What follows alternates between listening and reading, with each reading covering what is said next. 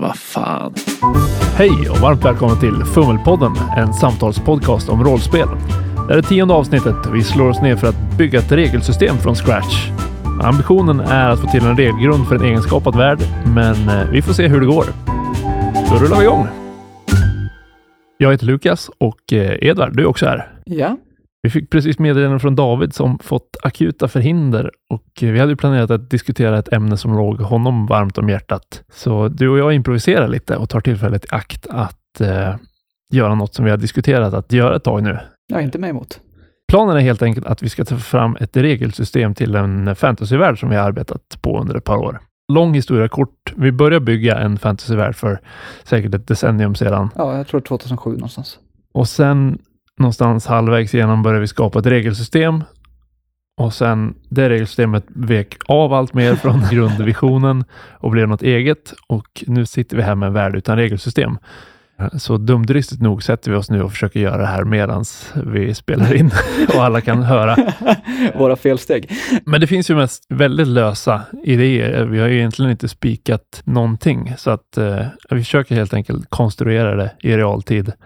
Och så får vi se om det blir pannkaka eller något vettigt. Ska vi försöka presentera lite av världen till att börja med? Det kan väl vara en bra idé. Det är en fantasyvärld och grundtanken var väl på något sätt som så många andra världar att det är kul att skapa något eget. Men även, vi vill ju ha den väldigt mänskligt centrerad och inte blanda in för många andra raser och inte göra den för Ja, alltså, vi vill gärna ha övernaturliga inslag, men de behöver inte vara som vi tyvärr ofta kommer tillbaka till att dvärgar och alver och halvlängdsmän är nästan klyschigt fåniga. Att man strukturerar hela kulturer runt deras emotionella aspekter så att högfärdiga alver och eh, bittra dvärgar och Just det. Och det är ju såklart subjektivt, men så tycker vi. Ja. Sen eh, har vi även haft någon idé där om att den ska vara hyfsat lätt att sätta sig in i. Det inte ska vara för skeva kulturer. Eh, Det ska finnas någon form av enklare inkörskurva. Mm. Så ganska lättillgängligt, inte överklyschigt fånigt och fokuserat på mänskliga kulturer som interagerar egentligen. Och själva grundkonceptet med övernaturlighet är också att vi tyckte vi var så extremt nydanande för något decennium sedan när vi kom fram till att om det är människornas egen tro som skapar det övernaturliga, det är ju fantastiskt kreativt och bra. Men det är fortfarande en ganska bekväm idé som vi Ja. har kört vidare på att eh, alla religioner och alla övernaturliga krafter kommer egentligen från människors kollektiva tro. Ja, och även monster i trakten runt omkring en stad. Om eh, generationer har haft historia om grändeln i skogen så eh, kommer den legenden förr eller senare att väcka myten till liv. Och sen det finns ju massa små kulturer som vi har slängt in i världen vid det här laget, men ju tre huvudsakliga kulturer.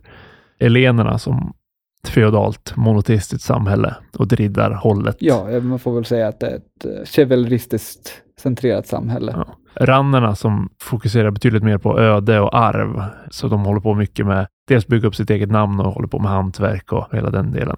Och sen tandirerna som är mer vetenskapsdrivet demokratiskt samhälle. Och de är ju lite mer renässansinspirerade egentligen. även om de deras- kanske inte ligger riktigt på den teknologiska nivån alltid. Nej, även om vi ännu inte är framme vid musköter och krutvapen så är det ja, mitt hjärtebarn där luftskeppen som pryder deras sky och eh, nästan till alkemistisk ådra inslagen i det.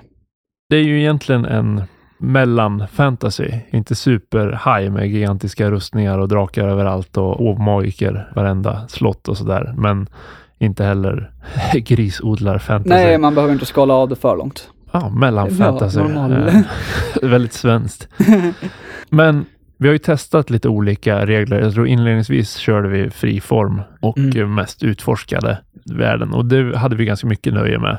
Sen började vi implementera lite mer regler, men fokus låg fortfarande på att utforska världen på något sätt. Och sen på senare tid har vi testat på mer traditionellt äventyrande och mer traditionella regelsystem och där blev det en liten krock för att världen Ja. blev ganska tråkig när man inte gav sig in för att utforska den eftersom den var byggd på kultur, tror jag. Men jag tror grundproblematiken är egentligen att vi hade egentligen inget regelsystem som fångade det vi ville göra och jag tror det vi hade roligast med i världen var just att utforska Mm. och interagera med olika kulturer och få en känsla av världen därigenom. Ja. Så om man skulle skapa någon form av regelsystem känns det ju som att det kanske är där någonstans man skulle fokusera det kring. Att på något sätt väva in värld och kulturer så mycket som möjligt i reglerna. När vi spelar i världen så har ju vi en förkunskap som är så pass utförlig med tanke på att vi har författat så att som ett hjälpmedel för de spelare som då kommer möta våran värld. Att inte nödvändigtvis tvinga allihopa att läsa världsboken om man nu skulle publicera något sådant. Nej, det är väl det. Jag känner många så här världsböcker man ska ta sig till. Det blir så övermäktigt. Så på något sätt har jag någon idé om att vi ska göra ett regelsystem som utbildar nya spelare i kulturen och fokuserar spelandet lite mer i just den här världen då. Ja, det första man kommer bemötas av är ju karaktärsskapande. Ja. Inte förmågor. Eh, Grundegenskaper. ja, grundegenskaper är ju nummer ett. Sen kommer eh, Färdigheter. färdigheterna. Om man lägger allt för mycket fokus, grundegenskaper, färdigheter och sen förmågor. Det kan bli grått. Förmågor, tänker du då? Förmågor brukar ju vanligtvis vara en magiker har förmågan att eh, framkalla den här magin eller en eh, estradör som har en förmåga som är silvertunga som eh, han kan använda för att övertala någon. Eller något sånt där. Det är en förmåga som inte är direkt baserad i färdigheterna. Just det. Att det är någonting som är över. Spontant känner jag, det ska ju inte vara ett särskilt regeltungt system under spel. Nej, ska inte vara jättemycket matematik och, och inte så mycket crunch. precis. Så fort du har grundegenskaperna, färdigheterna, de två är ju rakt av matematiska. Det behöver inte vara matematiskt heller. Om du väljer att du kan välja att vara stark eller smidig och är du stark så nästan eh, friformsaktigt innebär det att du kan klara av saker som kräver att du är stark. Då är du borta från ett matematiskt system. Ja, jag tänkte bara när man la fokusen på grundegenskaper och färdigheterna så har man automatiskt lagt ner. Så jag lutar nästan mera åt att den här gången lägga mera fokus på förmågorna. Ja, det är ju inte så mycket Drakar och Demoner, Dungeons and Dragons-aktigt, utan det går ju nästan mer åt, eh, åt någon form av indieflum-håll Ja, det eventuellt. gör ju nästan det den här gången och det har vi varit väldigt skeptiska till tidigare när vi har tagit fram regelsystem. Jag tror aldrig vi har... Det var en gång vi freeformade riktigt hårt där vi hade rakt av attribut. Men ja, jag är nog också med på någon form av mer, om vi ska kalla det förmågor eller mindre matematiskt inriktat, mindre liksom grundegenskap, färdighetsvärde baserat. Jag funderade på om man skulle dra ner grundegenskaper just till attributer. Att du eh, har skalor mer eller mindre. Att du får välja plus minus mittemellan. Så det här gjorde Trud bland annat vill jag minnas. Ja, men det kan ju funka. På sätt och vis blir ju det en eh, stämningsfråga. Du kan ju säga att du har ett, två eller tre i grundegenskapsvärdet. Ja. Eller så kan du säga att du är svag mittemellan eller stark och stel mittemellan eller smidig. Att säga att min karaktär är modig, medelmåtta eller feg. Att säga att karaktären är feg, då har du plötsligt gjort något som är väldigt karaktäristiskt. Det är någonting som beskriver väldigt tydligt. Att säga att du har två i psyke är någonting jag tror att man kommer glömma bort snabbare. Jo, precis. Men det är lite det jag menar med stämning. Om målet är att bygga upp mer karaktärsspelande stämning åt indieflum-hållet så tror jag mer på att beskriva det med adjektiv istället för med siffror. Ja. För då är ju frågan, sådana här förmågor, vad skulle en förmåga kunna vara då? Det är frågan om man ska lägga dem till paketlösningar som blir arketyper om du ska vara eh, odådare. Som är massor med olika, liksom att... eh, Någon form av Eh, tjuv? Då, ja, ja, precis. Att smyga. Att ha på grundegenskapsnivå att vara smidig. Men sen förmågan smyga måste ju ge troligheten att stadsvakterna upptäcker dig när du försöker ta dig förbi någonstans eller dina sådana, saker. Det jag känner spontant är ju att det är väldigt tråkigt.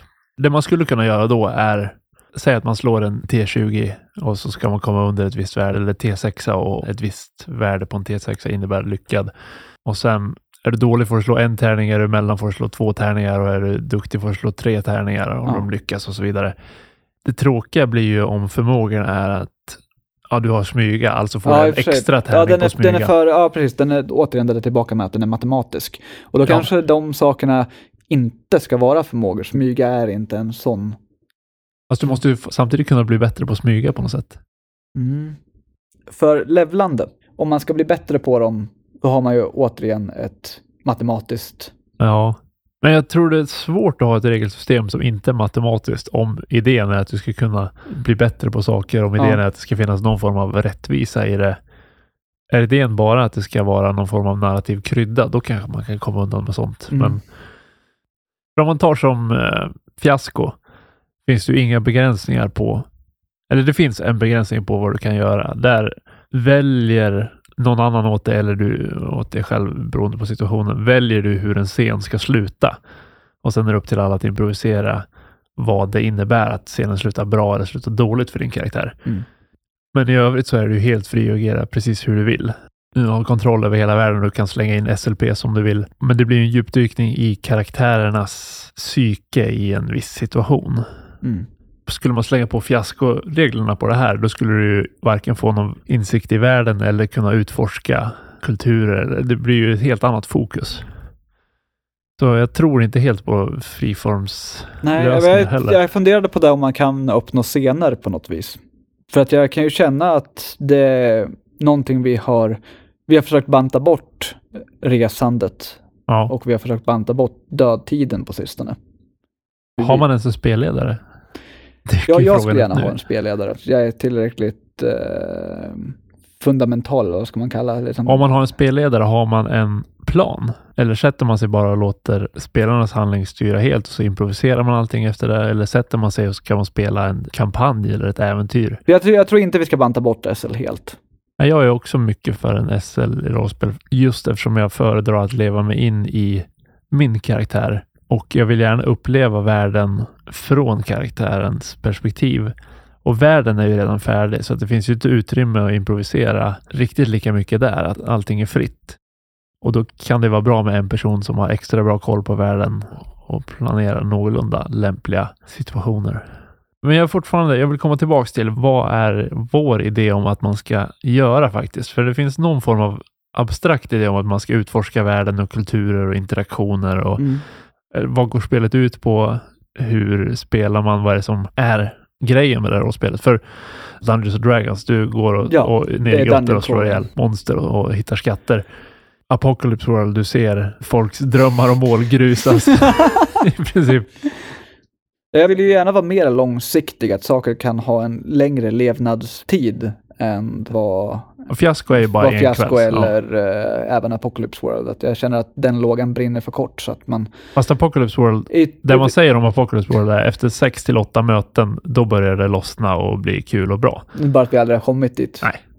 Men det- det säger nog mer om oss än om systemet. Men ja, alltså gärna någonting långsiktigt känner jag. Mm. Men inte Dungeon Crawl egentligen. Det som vi har haft roligaste med är ju när det blir en grupp av äventyrarvänner som löser problem i världen. Det blir ju någon form av Lucky Luke-aktig. Ja, om man spelar äventyrare, då kommer ju naturligt mycket fokus hamna på strid och mysterielösande Ja, och, och den precis. Ja, delen. men jag, jag tycker mysterielösande är där man ofta får mera kulturell återbetalning för. Jag tror nästan att jag skulle vilja göra det personligare. För när du spelar en äventyrare så är det så lätt att du blir distanserad från är uppdraget. Eller, ja. Apocalypse World och Fiasko handlar ju bara om den personliga resan på något sätt.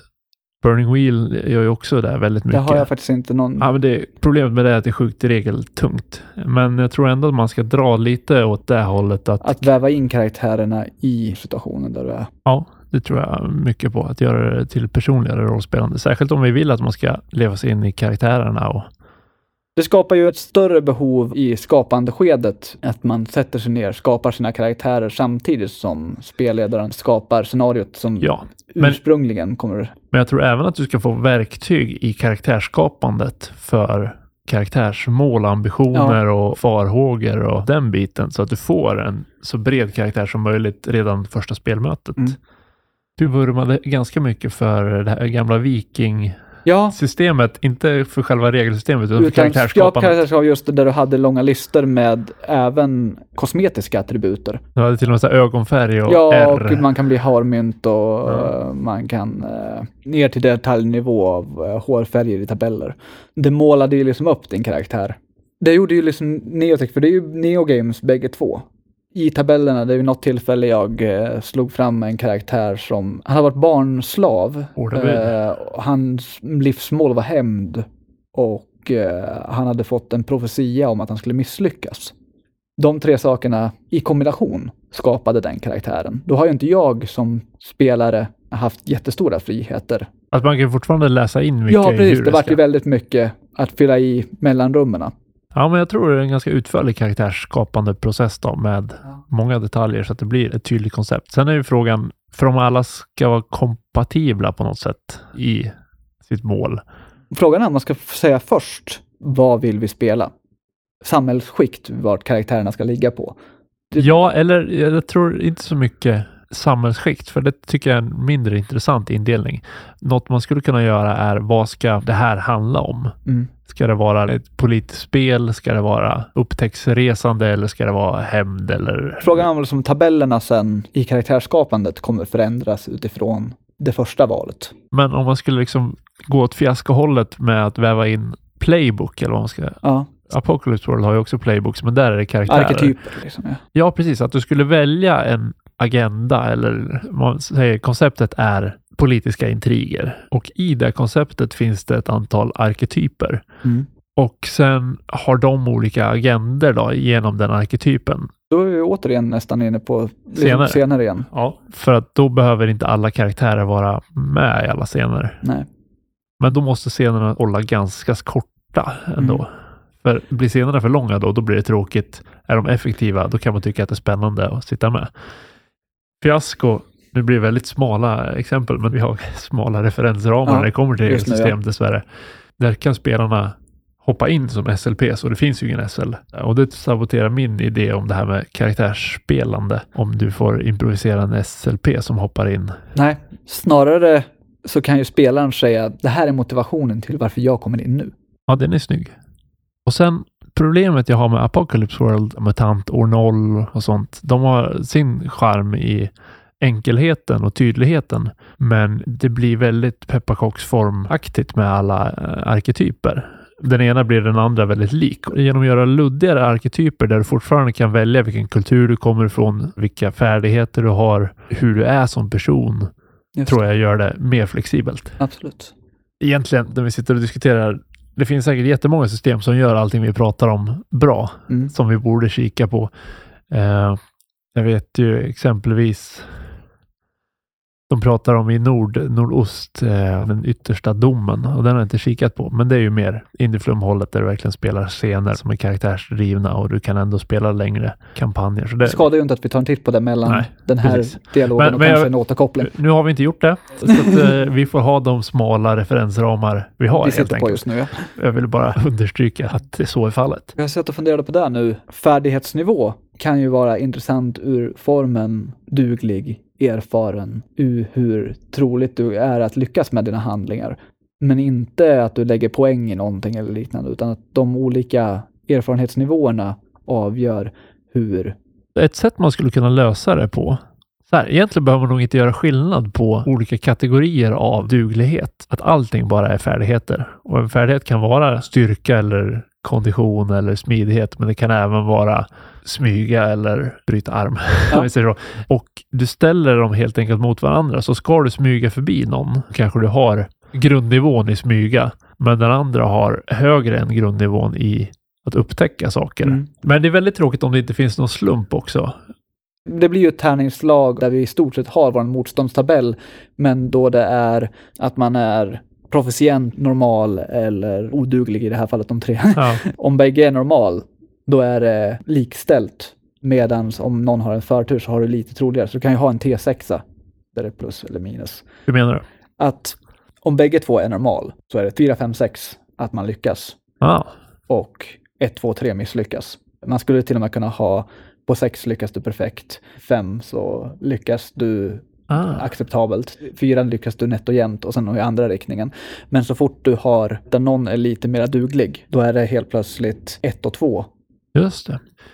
Fördelen med att ha en T6 är ju att det kommer ligga väldigt mycket i bakgrunden och man kan slå det smidigt. Jag har lite problem med det rena rollspelandet när det blir stora tärningspöler för då sitter du och räknar tärningar tappar och fördelar. Tappar bort rollspelandet. Så bara en T6 där du snabbt kan läsa av resultatet kan vara ganska spännande faktiskt.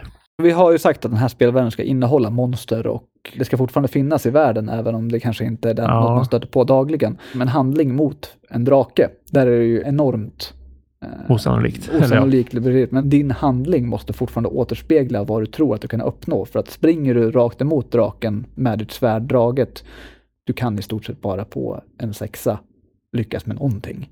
Man får ju fortfarande sätta eh, Resultaten vad man resultatet tror så att du lyckas med din tilltänkta handling så kan du fortfarande bara innebära att du gör en skråma eftersom... Eller hamna i en situation där det är fördelaktigt för framtida handlingar. Och, Ja. Och sen blir nästa, om du då ska hålla ett tal, om förmågan är för öppna, då skulle du kunna ha övertala, hålla tal, retorik, diplomati och massa Yes. saker som spelar in. Vad händer då? Jag funderar på om förmågorna kommer vara så. Apocalypse World, där är ju liksom förmågorna distanserade. De ger upphov till tärningsslag. Nu är ju frågan om man ska göra något i stil med det, men då ska man ju inte ha smyga som en förmåga. Alltså du måste ju fortfarande kunna vara bättre än andra på att smyga. Och du skulle kunna säga en lönndom så att du blir bättre på allt möjligt som har med lönndom att göra. Men då är en stråtrövare samma sak som en ficktjuv. Ja, du kan ju spela den olika och ha olika agender. Och Jag tänkte de inom citationstecken matematiska sidorna. Men frågan är om förmågorna behöver vara så sjukt karaktärsdefinierande. Nej. Om du definierar så många andra saker med Ja, karaktären precis. också. De har gjort förmågor tidigare att strida med två vapen samtidigt. Det skulle vara en förmåga i ett Dungeon Crawl-spel. Men det är ju inte där det är frågan om nu.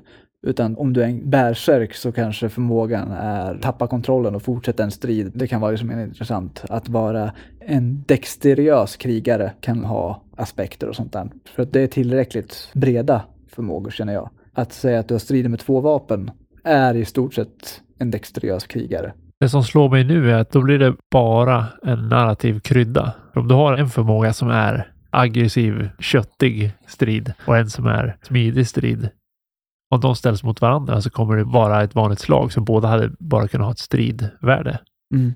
Men jag menar, å andra sidan, det behöver inte alltid vara negativt att det mer är tematiskt och narrativt. Nej, precis, för jag funderade liksom på det. En strid mellan en köttig krigare och en dexteriös krigare.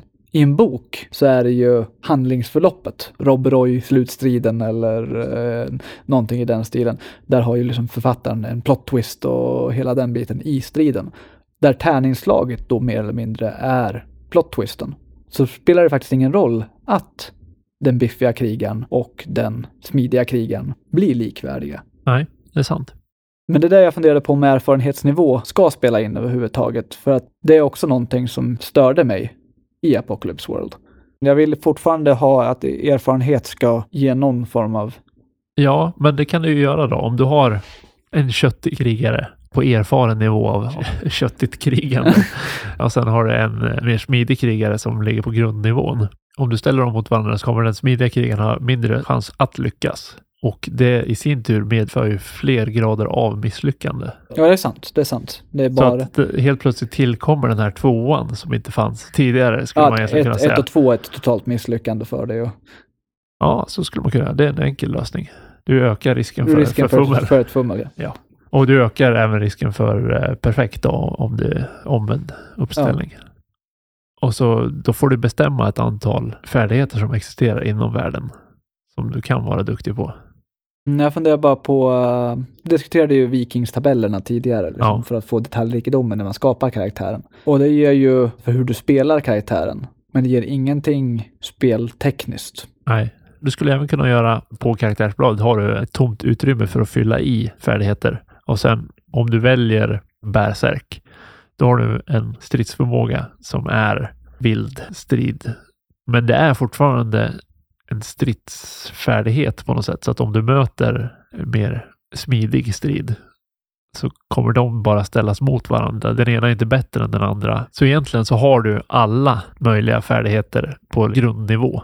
Ja, Det blir ju intressant ur den synvinkeln att du kan få väldigt detaljrikedom i karaktärsskapandet för hur du bör spela din karaktär. Du får väldigt mycket information beroende på vart du kommer ifrån, vilka kulturer du väver in i den. Men att det ger en väldigt ytligt inflytande på regelverket. Men om du spelar en swashbuckler som har någon slags duellaktig fäktningsfärdighet, någon sån här charmfärdighet och sen kanske du har någon slags akrobatik Sen har du någon slags klassisk vilde som har någon mer bärsärk stridsfärdighet, skrämma och hota folk färdighet och du har en så här råstyrkefärdighet. De karaktärerna skulle regeltekniskt sett kunna vara nästan likadana i väldigt många situationer. Det blir väldigt situationsmässigt dock, för jag skulle säga att eh, man får ju presentera sina argument till varför ens färdighet är applicerbar. Du kan ju fortfarande utföra handlingen, men du får Ja. inte din bonus Nej, från den Precis, färdigheten. Nej, absolut, absolut. Jag var lite på väg till att bli avskrämd ett tag, men nu är jag tillbaka på att eh, man ska bry sig om hur man spelar sin karaktär snarare än vad man får ut av det. Men du får ju ändå ut någonting Ja, av du, det. du får ju det. det, det är Och liksom, det som är intressant är att du får ut någonting av det ju mer du spelar din karaktär. Är du då i en strid och så spelar du den här duellanten, hoppar mellan de andra för att ta dig an en person, då kommer du få bonusar. Men om du säger att ah, jag försöker spöa alla och hålla dem på avstånd eller något sånt där. Medan en bärsärk, kanske du, kan förmå. ja, men du kommer inte få din bonus om du försöker strida taktiskt. Nej. så, Du eh, får dina bonusar men du begränsar områdena du kan utnyttja bonusarna och då känner jag nog nästan att det inte, det är ju en sån här lat lösning i rollspelets konstruktion, men jag känner att det inte behöver vara hundraprocentigt balanserat då heller. Nej. Nej, jag tycker inte heller det. Och det är det som blir liksom lite intressant med magi och sånt där också. Att då kan texten som beskriver magiker av ett visst slag bli beskrivna för hur du kommer spela den utan att behöva skapa tabellerna. Precis, men lär ju göra samma med alla färdigheter. Att om du spelar den här arketypen får du de här färdigheterna och de här färdigheterna innebär att du kan det här på Ja. det här sättet. Ja. Och sen är det upp till dig att spela på det på något sätt. För det är återigen det här, du får in lite värld genom det här då. Att du definierar olika arketyper och att de får vissa färdigheter som är att krydda i sig. Sen är ju frågan hur du ska få in kulturpåverkningar och så vidare. Mm. En tanke som slår mig nu är att du kanske ska spela elensk riddare är en arketyp och då Ja. får du vissa färdigheter som Mm. strid, besvär och sköld och, och en färdighet som är kopplad till din släkts anseende på något Ja. sätt. Och sen en annan arketyp kanske är en tandirisk alkemist.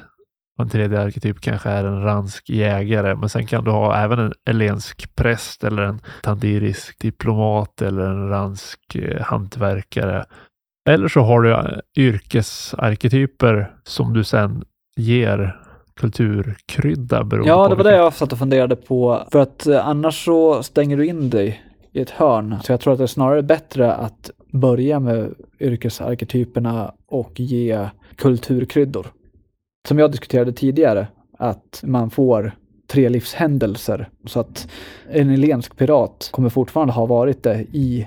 i Elensk kontext, Ja, eller? precis. Men ska man ha karaktärsskapandet som någon choose your own adventure-aktiga? Först väljer du en arketyp och sen väljer du kultur och då får du den kulturella versionen Ja, av den Det är arketypen. det jag kände också. Och sen, okej, du har valt den här kombinationen av yrke och kultur. Gå till den här livshändelsetabell. Ja, kan vara väldigt intressant att du bygger ett pussel som kan se ut hur som helst i slutändan. Men du måste ju ändå ha någon form av eh, träd.